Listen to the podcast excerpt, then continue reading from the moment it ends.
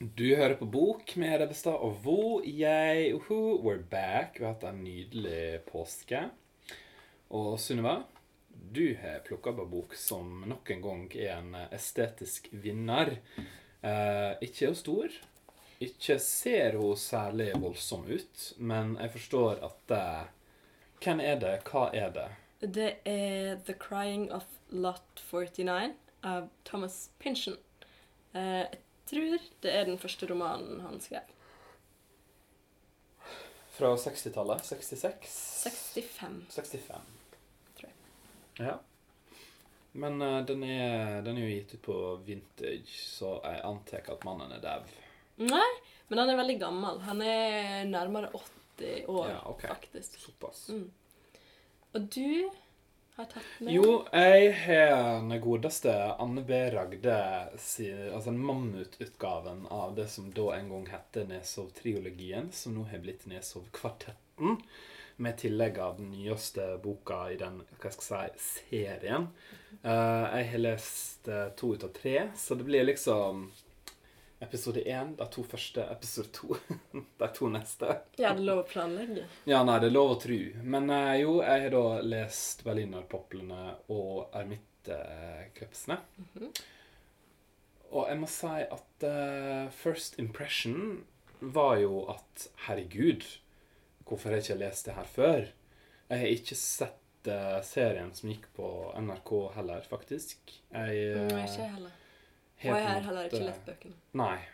Men jeg, jeg, vet ikke, jeg, jeg har hatt det sånn i bakhodet at jeg har lyst å lese de bøkene. Jeg har liksom hatt lyst til å se serien, men jeg har på en måte ikke kommet så langt. Og så tenkte jeg, så den hylla, så tenkte jeg at nå kaster jeg meg på. Nå gjør jeg det. Det er påske. Let's start the party. Uh, og det angrer jeg ikke på, for å si det sånn. Uh, for de som ikke kanskje er kjent med innholdet, da, så handler jo dette om eh, familien eh, Neshov, som da bor eh, litt spredt rundt om i Norge, og én i København. Eh, det er da tre eh, unge, unge menn, hører du. Tre ikke fullt så unge menn, eh, som på en måte kommer sammen etter veldig mange år. Og de er brødre. De er brødre, ja. Ja. Som kommer sammen når mor deres dør. Mm. Og samtidig dukker, opp, dukker det da opp døtre til han ene, eh, som de to andre ikke visste om. Eh, som han på en måte har halvt skjult, på et vis, da. Eh, som eh, på en måte var hva skal jeg si, litt sånn skamma i livet hans. Det er da Thor eh, Neshov det er snakk om, som på en måte er en eh, hva skal jeg si da, Han er på en måte den første hovedpersonen. Fordi det, han, er på en måte vokst, eh, vokst opp på, på denne Neshovgården, gården, familiegården, I Trøndelag. i Trøndelag utenfor Trondheim, Byneset. Uh, og bodd i samme hus som mor si hele sitt liv, egentlig. Og drevet først med kyr, og nå da med griser, så det er da grisebonde. Uh, og denne gården er på en måte veldig viktig i hele settingen her, fordi det er på en måte hva skal jeg si, det, den, Gården danner jo bakteppet da, for veldig mye. For det skjer veldig mye på denne gården. Det har skjedd veldig mye.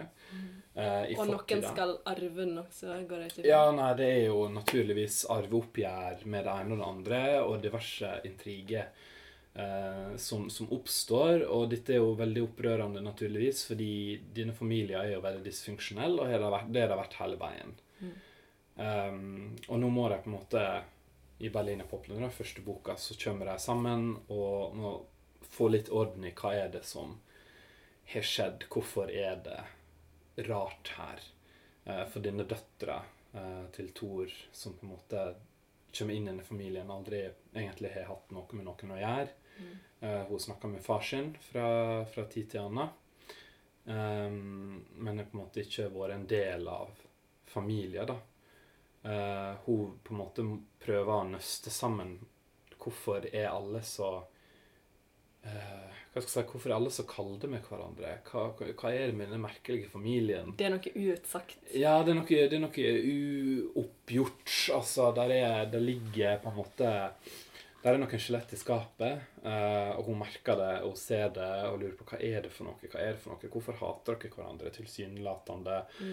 Eh, hvorfor har en stukket til Danmark på en måte, og bodd i København hele sitt liv omtrent, eh, mens en annen bor inne i Trondheim og er gravferdsagent og er alene, singel, ungkar, og ikke på en måte vært her ute og snakka med bror sin på denne gården på mange år. Og det er klart at mye blir jo lagt for dagen i løpet av bok én. Um, så er det alltid det her spørsmålet hvor mye skal man på en måte røpe, men det er ikke så veldig viktig. Det viktige her er på en måte at de innser at eh, ja, Hva jeg skal si, da? De innser at livet er mer mystisk og weird enn på en måte litteraturen. da, Sånn som enkelte får en sånn opplevelse av når de graver i familiehistorier og innser at eh, herregud, det er jo en såpeopera.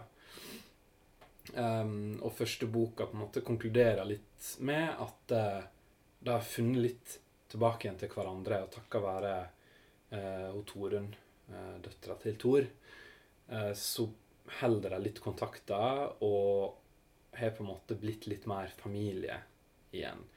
Så jeg sier at på mange måter så er det en slags lykkelig slutt, da. Mm. Um, og jeg ble jo sittende og lure på OK det, det, no, OK, da var det Jaha. Eh, bestemora døde, disse tingene skjedde i, i ettertid. Så de, de får på en måte fram noe om hun gamle Ja, om hun, om, om bestefar sin, om faren sin. Uh, og på en måte forstukke hull i en sånn her eh, verkebyll i familiehistorie. Uh, og samtidig fått litt forløsning. Men det er jo på en måte ikke altså Sjøl om jeg gjenopp, fått, fått opp igjen kontakter seg imellom, gjenoppretta kontakt, så er jo på en måte ikke alle såra helbreda uh, fullt ut. Og det er jo på en måte litt av det som blir jobba med i bok to. Um, der det naturligvis skjer det som må skje på et eller annet tidspunkt, at uh, den veldig skjøre hint av en idyll blir litt forstyrra av nye hendinger. Og de har jo fortsatt en far som sitter på gården, og som er aldrende og trenger hjelp. Uh, og på en måte to Nesov som skal drive gården aleine uh, finner det veldig vanskelig, for nå er jo ikke mora hans der, som på en måte har vært den sterke. da. Mm. Uh, og der kan jeg på en måte allerede For det, dette her var, det var noe litt knausgårdsk over den her um, mora og sønnen, da. Uh, for i bok én av Min kamp er det vel så, så må Knausgård, Karl Ove og broren rydde opp i huset til farmora etter at farmora og sønnen hennes, altså faren deres, har levd et veldig skittent liv mm. i en lang stund. Forfall. Forfall. Stort forfall. Uh, uten at noen nødvendigvis har lagt så veldig stort merke til eller gjort så mye med det. Mm. Um, for det viser jo seg på en måte når familier kommer til familiegården, at uh, ok, selv om han Tor på en måte har hatt inntrykk av, og gitt inntrykk av at mora på en måte er stelt og er vaska, hun i alt orden, så ser de på en måte som kommer utafra, at det er jo ikke sant i det hele tatt. Kan jeg bare Er det en episode med noen som bæsjer på seg? Ja. Og så beskriver forfatteren eller noen hvordan det på en måte sitter igjen skit på listene på trepanelet, eller noe sånt?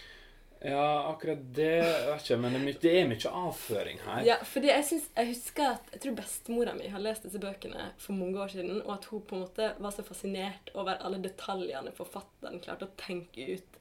Og at det liksom, at det skulle sitte igjen liksom skit innunder listene på trepanelet, at det var en sånn detalj som hun syntes var flott påkomt, eller sikkert ja. satt pris på av ei som har vaska sine trepaneler. Ja, nei, fordi om det er noe Ragde kan, så er det jo dette her med detaljene i hverdagen. Mm. Altså dette med beskrivelse av lukter, beskrivelse av farger, beskrivelse av hva skal jeg si, konsistens uh, og tekstur. Og også av en sånn eh, moderat velstand, hvis du skjønner hva jeg mener. Ja, Hun liker å liste opp alt man ja. eier. Det er ikke nødvendigvis så forferdelig flott og mye, altså, men det, det, er en viss lite hint av overflod og nytelse og velstand. som hun liksom... Ja, og Men det er ikke lista opp på en sånn dameromanaktig måte. Det er mer sånn derre det er ikke Fifty Shades med å, det, det er marble og det det er er mer en sånn viktig sånn stolthet i å si Ja. sånn, sånn, sånn har vi. Ja, og, og dette er jo litt Det, det ligger i hennes sitt språk. Mm. Uh, men hun er jo på en måte vokst opp i en alder da velstanden kom til Norge. Mm. Eh, og som hun sa i, i et eller annet program i samband med ei litt Det var en bok som kom etter dette, som uh, handla om på en måte husmødre i en liten forstad utenfor Trondheim. Ja, og jeg skal elske deg Jeg skal gjøre deg så lykkelig. Ja. Mm. Uh, og og i, i samband med det intervjuet på en måte fortalte dette her med at når hun vokste opp i en sånn gård på en måte, og dette med at ok, det, de gikk ifra, det er på en måte gått ifra at man hadde en miksmaster. Det var på en måte, det var så stort. Ubeskrivelig stort. Å, for en luksus å ha en miksmaster. Til hva merke miksmaster er det? Det er ikke lenger bra nok å ha et kjøleskap eller en komfyr. Det er bare det er liksom hva merke er det. Det er ikke bare det å ha en bil, men det er hva merke bil det er. Og hvor på en måte viktig det har blitt. da. Ja, jeg husker jeg var helt sjokkert da jeg leste den Det er vel den forrige boka hennes. 'Jeg har et teppe I tusen i tusen farger, ja. om mora sin alderdom. Eh, Når du forteller om oppveksten i Trondheim på 70-tallet. Mm. Hvor ekstremt simpelt de lever, Ja. med liksom natt Altså utedo som blir tømt av en mann om natta, Ja. og altså, som fryser om vinteren, og at de har en kjele som alltid står på ovnen og koker for at de skal ha vann til å vaske klær til å drikke og i det hele tatt. Og bare hvor, altså Det er som om det er liksom en helt annen stat, da, men Ja, det er på er- 70-tallet. Sant, det er Norge på 70-tallet. Jeg var helt sjokkert. Men for henne så ligger på en måte ligger, det ligger noe viktig i disse dagligdagse tinga. Jeg tror på en måte det er der magien hos Ragde ligger. Fordi historiene her er jo til en viss grad gjenkjennelige. Det er til en viss grad ting man er kjent med. Fordi det er nettopp veldig realistisk, mye av det. Eh, og det er på en måte ikke sånn at jeg føler at hun hun må kaste noe etter dem hele tida for å holde dem på hogget. Uh, så mye som at hun holder dem mye med beskrivelsene sine nettopp av sånne ting. Sjøl når det er noe som er ganske avskyelig for mange. Altså når ting begynner med denne eldre bestemora, ikke sant, gammel, sjukelig svak som, som ligger til sengs, og bare hvordan på en måte sønnen reagerer på det faktum at gardinene er trukket for og lyset av når han kommer fra fjøsen en morgen, og hvordan han på en måte tenker inni seg og erindrer hvordan hun har sine rutiner, og, og, og dette med på en måte at hun står ikke opp. Altså den nærmest desperate fortvilelsen i det faktum at hun ikke har stått opp, at ikke hun vil ha kaffe. Eh, og når han til slutt på en måte tar henne på sykehuset, oppdager at hun har ligget innsausa i egen avføring til oppi halsen under dyna. Og, og på en måte alle beskrivelsene rundt det, og hvordan han ser for seg madrassen blir, at nå må den brennes. Og, og seinere også når andre går rundt i huset, all skitten og potteplantene som står i, i, i blikkbokser som, eh, som hun her bestemora har på en måte vaska og tatt av lappene på og hatt kreppapir rundt, som visstnok er veldig sånn her eh, Det er en ting du gjør, for dette er også her Bjørn Wassmo skrev om. Ja. Dette her med disse her eh, blomsterpottene med kreppapir på. Um, og alle disse overvatna plantene. En trend som spredde seg uten Instagram. Ja, rett og slett. da. Husmorbølgen bare fant ut at blikkbokser med kreppapir på er kult.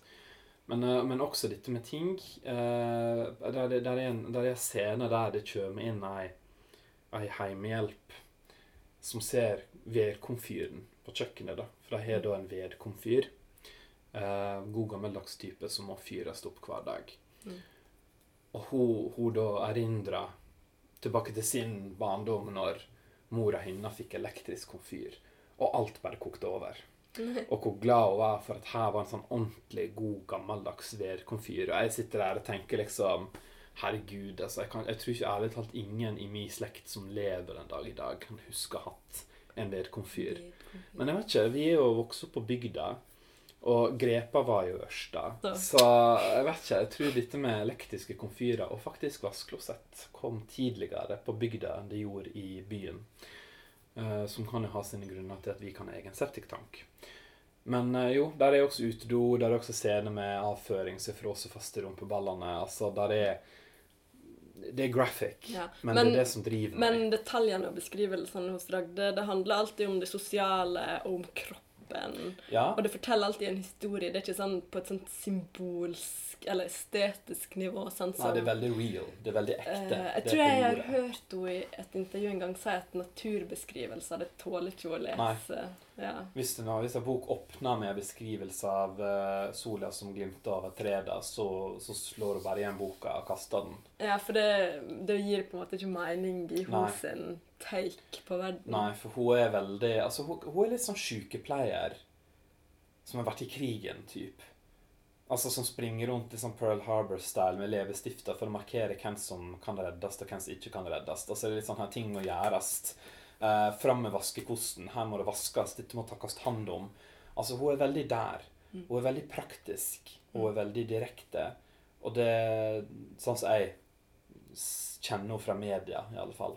Eh, Og det lyser veldig gjennom i bøkene hennes, nettopp i det at slike enkelte av karakterene hennes Men hun kan samtidig, som jeg må si var en stor, deilig, positiv overraskelse for meg, beskrive veldig levende og ekte livet til en extravagant, flamboyant, homosexual man i København med sin fascinasjon for Swarovski, krystallfigurer og marmor, benkeplate og jacuzzis og champagne, som hun også for så vidt er veldig glad i sjøl.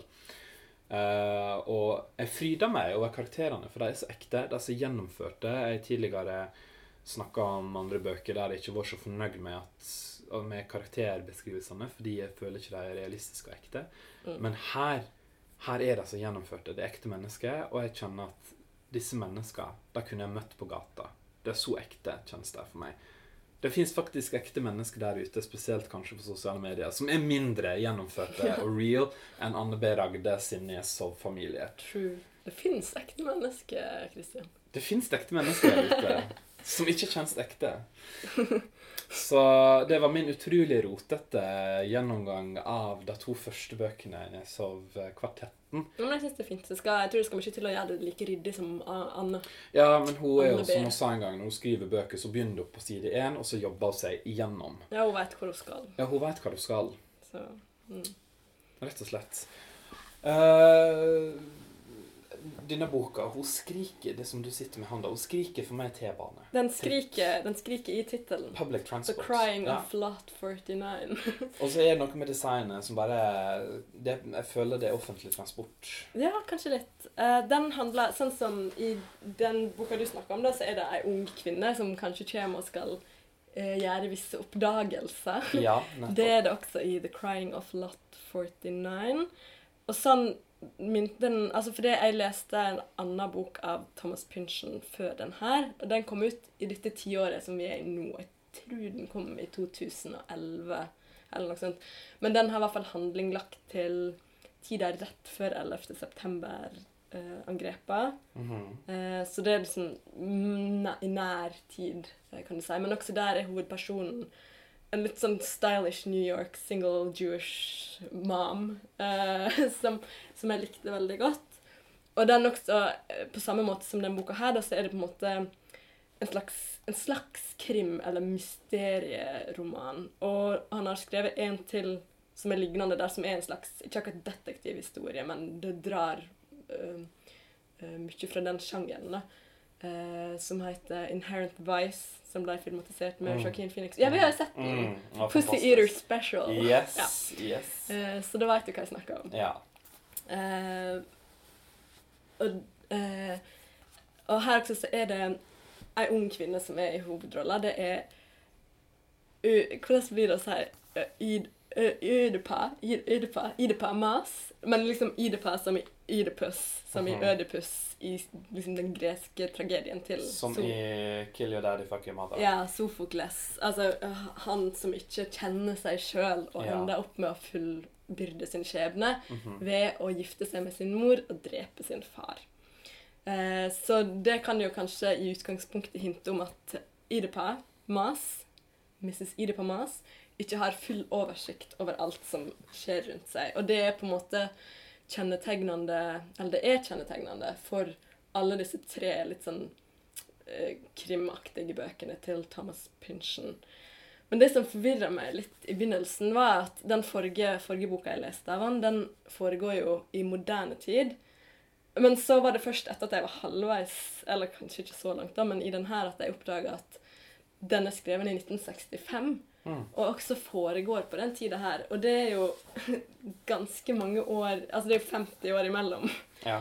Um, så når jeg først hadde et inntrykk av Idipa som er litt sånn selvstendig, velstående, kul, ung amerikansk kvinne, så skjønte jeg etter hvert at hun er en 50s housewife. ja. Uh, og og da, da blir hun på en måte en litt annen karakter. Eller ikke 50s, det er 60-tallet, men du kan se for deg en litt sånn Mad Men-setting. ikke sant? Det er uh, a man's world i Amerika på den tida. Uh, og hun liksom Hun har utdanning, og hun er smart og dyp og alt sånt der, men uh, hun um, hva jeg skal si, altså Jeg hørte en sånn forelesning om boka på iTunes. og Der sa liksom at hun sine, hun sine attributter, da, eller hva jeg skal si, det er på en måte hår og sminke og stil. og Jeg vet ikke om jeg liksom helt går med på at det er så enkelt, men hun er i hvert fall en karakter som på den tida boka ble utgitt, da, ikke ble sett på som tung nok, på en måte. Hun var, eh, som de sier i den forelesninga, lightweight. Eh, og så, så Så hun var kanskje en litt annen person enn jeg først tenkte. Men fordi når Thomas Finchen skriver, så føles det så utrolig moderne. Altså, Det gikk liksom ikke opp for meg hvor gammel boka var. i det hele tatt. Kanskje ikke så moderne som tidløst, kanskje? Ikke akkurat det heller, for du, du, han skriver jo veldig om Det det handler om, er jo Amerika. Mm. Eh, som en slags mystisk labyrint, omtrent. Eller, og spesielt eh, Sør-California, da. I, i, i den boka her. Men eh, jeg kan si litt mer om handlinga først. Ja. For handlinga er ganske, ganske enkel i utgangspunktet. Og det er at uh, Idipa blir utnevnt som eh, eh, eks, eh, liksom eksekutør, eller hva jeg skal si. Hun skal fullbyrde et testament eh, for sin døde elsker, en California eiendomsmogul som har dødd. da. Og hun kan jo ingenting om testament eller juss eller eiendom eller noe sånt. Men hun reiser likevel til byen San Narcissus, tror jeg. Noe sånt. Eh, San Narciso, der, som er en sånn Se for et sånn typisk industriområde Mm. eh, med masse freeways og avkjørsler og sånn konstant eh, smagheis. Litt sånn skittent landskap som er vanskelig å få oversikt over. Det er jo bare en slags trafikkmaskin slash kjøpesenter, landskap, eh, industriområde. Så hun reiser ned dit for å på en måte prøve å finne ut liksom, hvorfor i all verden det er hun som skal ordne med dette testamentet, og hva som egentlig er den her arven. da. Mm -hmm. um, og når hun kommer til dette området, så møter hun en advokat som, skal, som på en måte skal hjelpe henne med dette her. Og eh, etter hvert som han på en måte snakker til henne, så innser hun at uh, Pierce Inver Inveriarty, eller hva han heter, han, han som det er sitt testament, da. Pierce Inverarity. uh, at han eier liksom, han eier aksjer eller eiendom overalt i San Narcissus. Han eier alt mulig rart. Um, ja. Og, og så, sånn sett så eh, begynner det ganske enkelt. Men så eh, Og det er noe Idipa også problematiserer sjøl i romanen. da På et eller annet tidspunkt så begynner ting å gå i sirkel. eller så begynner ting å bli rart. Eller hun får revelations eller fornemmelser som, uten at hun noensinne da helt klarer å sette fingeren på hva det er for noe. Men mer konkret så oppdager hun etter hvert et hemmelig og på siden av på en måte det offisielle og kanskje liksom mer sånn anarkistisk postsystem som går under navnet The Tristero, eller Tristero-systemet, eh, som formidler kommunikasjon da, eh, ad omveier, eller hva jeg skal si. Okay. Og så jo mer og mer hun fordyper seg i denne saka, så ser hun oftere og oftere det som er symbolet for dette systemet. Og det er et posthorn som er eh, stoppa til Mm. i trompeten, slik at det ikke lager lyd. Altså a muted posthorn.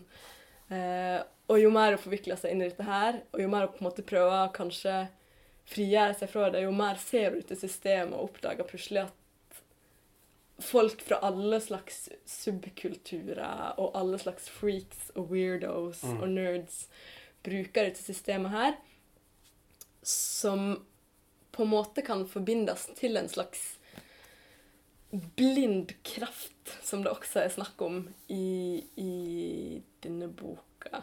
Men ja, så det er på en måte konkret det som skjer da. Vi følger Idepa i, i sine på, en må- på en måte utflukter og undersøkelser i det her området for å prøve å finne ut hva det er hennes tidligere elskede ville si henne, da, kanskje ved å oppnevne henne i dette testamentet. Ehm, men så kan man på en måte gå mer på det tematiske. For det er liksom, eh, i likhet med de tre andre krimbøkene til uh, Pynchen, så får du aldri noe klart svar. Nei. Men samtidig så syns ikke jeg den er sånn Det er ikke sånn umulig å si hvor han vil hen, på en Nei. måte. Uh, så jeg tenkte vi kan For jeg så det sto framme i boka her at ehm, uh, A portion of this novel was first published in Esquire magazine under the title The World, parentes This One, The Flesh, parentes Mrs. Irpamas, and The Testament of Pierce Inverarity. Inver, inverarity, ja. Uh, og det, disse elementene uh, dukker opp på viktige plasser i boka, sånn som The World. Mm. Det er på en måte noe Idepa begynner å stille spørsmål ved i det hele. For når den begynner, så er hun en sånn 50-talls housewife. Eh, husmor. Hun steller i hagen, lager mat til mannen sin og mikser drinker og venter på at han skal komme hjem. Um, men med en gang hun blir involvert i dette, dette testamentet, så tenker hun tilbake på en kunstutstilling hun var på sammen med Pierce, Mm. han som nå er død. Eh, der hun på en måte fikk en følelse av at det som var hos sin verden, kanskje ikke var så handfast likevel. Eh, og det var på en, De er på en kunstutstilling da, eh, sammen med han tidligere elskeren av en spansk-meksikansk kunstner som heter Remedios Varo. Kvinnelig kunstner som levde på første halvdelen av 1900-tallet. Mm. Eh, og dette, jeg googla det bildet hun står og ser på. da, Det, det er veldig sånn surrealistisk. Det ser nesten ut som sånn illustrasjonen på et tarotkort, kan du Mm. si. Og så beskriver Pynchen det bildet sånn her ja, Bildet heter um, Embroider, 'Embroidering the Mantle of the World', altså å brodere verdens kappe. Um, han beskriver det sånn her. A number of frail girls with heart-shaped faces, huge eyes, spun gold hair, prisoners in the top room of a circular tower, embroidering a kind of tapestry which spilled out the slit windows and into a void, seeking hopelessly to fill the void. For all the other buildings and creatures, all the waves, ships, the forests of the earth, were contained in this tapestry, and the tapestry was the world. Så en slags følelse av å være fanga i et tårnrom, og at alt som fins utenfor, bare er noe du har spunnet i, mellom dine egne hender, omtrent. Sant? Så hun begynner på en måte å tvile på hva som er sant. Mm. Um, og hun blir også rett før det beskrevet, eller hun tenker på seg sjøl som Rapunzel-like. Mm. Og det var egentlig litt rart, for jeg husker at da jeg leste den, så hadde jeg allerede da det sto der, tenkt at Idepa var ei prinsesse. Og jeg var, øh, ble veldig sånn nysgjerrig på ok, hvorfor trodde jeg det. Var det et ord som ble brukt, eller var det en beskrivelse av henne, eller var det noe med språket som var eventyraktig, da? Eh, men jeg har ikke klart å finne noe helt sånn klart svar på det. Det kan bare være at liksom, det jeg assosierer med Disney-prinsesse, er bygd over modellen 50-tallshusmor. Mm, mm, mm, ja. Eh, eller så kan det være for å bli beskrevet liksom blant sånne urter og sånn, så da tenker Mm. du kanskje litt på sånn urtehage, kloster, Ja. innesperra-aktig. Men også det at hun er eh, Hun er jo en, en arving, på en måte, uten å ha visst det sjøl, da. Så Ja. litt det der at du egentlig er ei prinsesse, ikke sant. Du tror du er en fiskerpike eller noe sånt, men så er du på en måte plutselig en slags arving av et imperium. Mm. Så det kan også ha vært det som satte meg på sporet. Um, men så la jeg også merke til at ordet 'tangled' var brukt på første side om på en måte det her eiendomsimperiet til Pierce. Og 'Tangled' er jo navnet på den nye Rapunzel-filmen til Disney. Så da ble jeg sånn OK. Eh, har t- 'Tangled' noe med Rapunzel å gjøre før Disney lagde en film med den tittelen? Så begynte jeg å google, og når jeg da googla uh, Rapunzel og gikk inn på Wikipedia, Wow. så var illustrasjonen av Rapunzel et frimerke med bilde av tårnet, Rapunzel og den onde heksa. Og det at det er et frimerke, det var en sånn genuint pynsjensk opplevelse. Mm. For The Crying of Lot 49, det er liksom utropinga av, av eh, katalognummer 49 da, Mm. på en auksjon, som er det siste som skjer i boka. Det er når de skal selge frimerkesamlinga til Pierce, som Ah. inneholder forfalska frimerker laga av den her undergrunnspostsystemet Tristero, der de tar klassiske frimerkemotiv og setter inn mørke, anarkistiske detaljer. Ah. Så da fikk jeg sånn der Oh my god, oh my god, Rapunzel-frimerke. Men i hvert fall, sånn er det å lese Thomas Pynchon, for han er så full av referanser og Mm. konspiratoriske teorier. Mm. Og altså, der er liksom et Beatles-coverband med i boka som heter The Paranoids. Det er ikke tilfeldig, liksom. Og Idippa ender jo til slutt også opp med å liksom tenke OK, det fins fire alternativ her. Nummer én jeg har uten bruk av LSD. eh, eller andre ligninger Eller weed, liksom, som også figurerer en del i boka. Mm. Eh, klart å hallusinere fram et helt system benytta av x antall amerikanere utenfor det offisielle postsystemet. Eller eh, nummer to alt det her er sant. Eller nummer tre jeg er utsatt for et plott er en slags stor practical joke uh, designa av Pierce. Mm. Eller nummer fire jeg bare forestiller meg at det er et plott imot meg. Uh, det er på en måte det hun uh, kommer ned til. Ehm, ja. Men også det her med Så det var The World. Mm. og det er også et øyeblikk der, eh, der hun liksom lurer på he- he- hvordan hun skal gå fram videre, da, et stykke ut i boka, der hun sier at hun kanskje må prøve å finne ut hva som er sant av det her, på en måte, hva som er holdig. Eller i det minste, står det, skyte en pil opp i liksom domen. Eh, liksom himmelkvelven, da, kan du si. Eh, det er det hun vil gjøre. Og det, for de som har lest The Hunger Games, eh, så vet jo alle at det å skyte en pil opp i en himmelkvelving er et helt avgjørende øyeblikk som starter revolusjonen. Altså, Ida Katniss gjør det i The Hunger Games. Så oppdager hun samtidig at um, at også de som er på hennes side, har plotta bak ryggen på henne, for det første, og at det fins et helt annet distrikt utenfor den verdenen som hun har blitt fortalt av myndighetene at fins. Og det blir på en måte startpunktet på revolusjonen i Panham. Eh, så, så jeg syns det var litt artig. Jeg lurer liksom på om Susan Collins har lest uh, Thomas Pynchon før hun skrev akkurat det. For det er et sånt avgjørende øyeblikk som handler om det å oppdage hva som er Eller skulle ta stilling til hva som er sant, og hvilken verden du vil leve i. Så det var The World. Og så har du The Flash, som er på en måte det andre punktet i tematikken. som handler om det å kroppsliggjøre øh, kroppsligere teksten. For det, det figurerer også Det var egentlig en av mine favorittdeler her. Et sånt Jacobean revenge play som Idipa går og ser for å finne ut mer om dette Tristero-systemet, som visstnok har eksistert ganske lenge, og der er på en måte henvisninger og forbindelser mellom eh, systemet og det skuespillet og eh, eiendommene til, og spesielt innsjøer, for eiendommene til Pierce. Eh, du merker at det begynner å bli komplisert. sant? ja, Men i hvert fall eh, Hun snakker etter denne forestillinga, som er veldig blodig og herlig.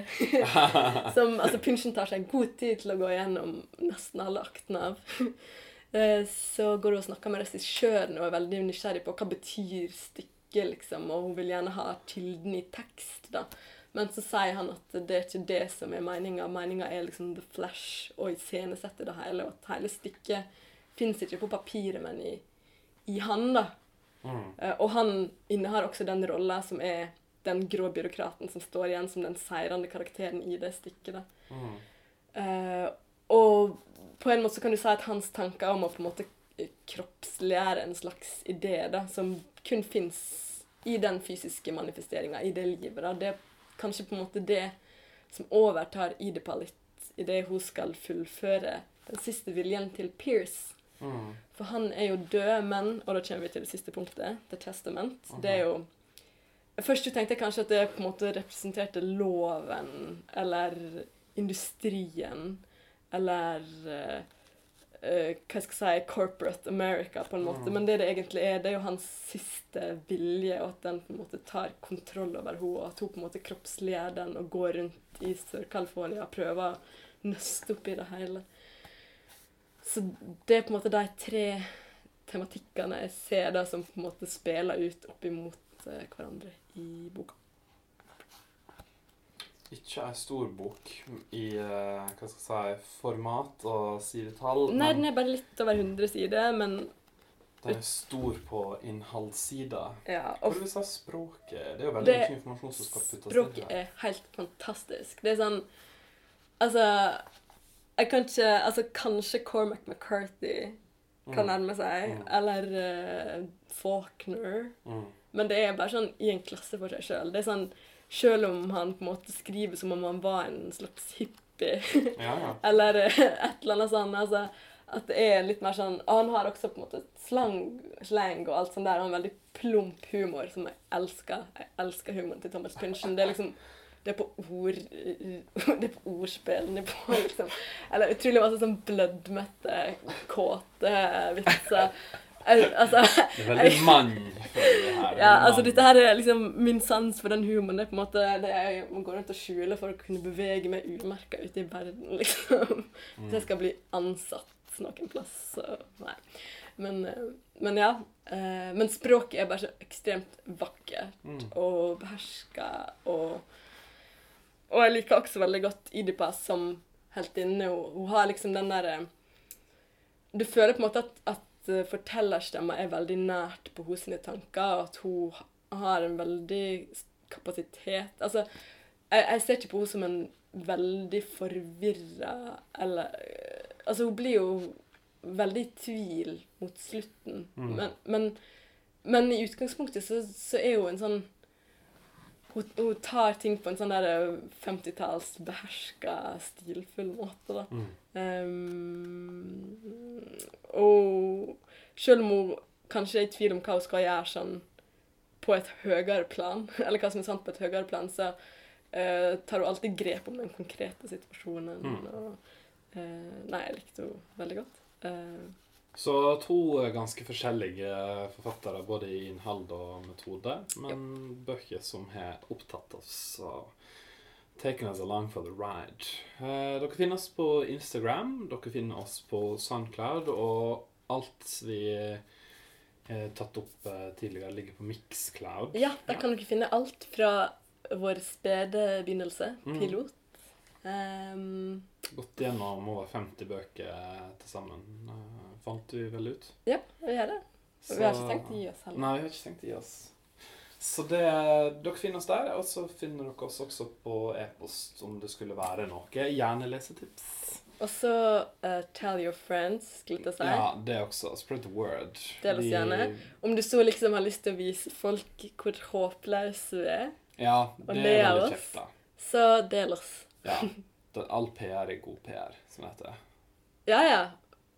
Absolutt. Og Absolutt. dessuten så prøver vi veldig hardt å være morsomme. Ja, vi gjør det. Vi Prøver veldig. Vi er redaksjonsmøte som går ut på det her. Ja. Viktig med humor. Truth. Uh, Kos dere med litteraturen. Vi høres. Reader, I bit him.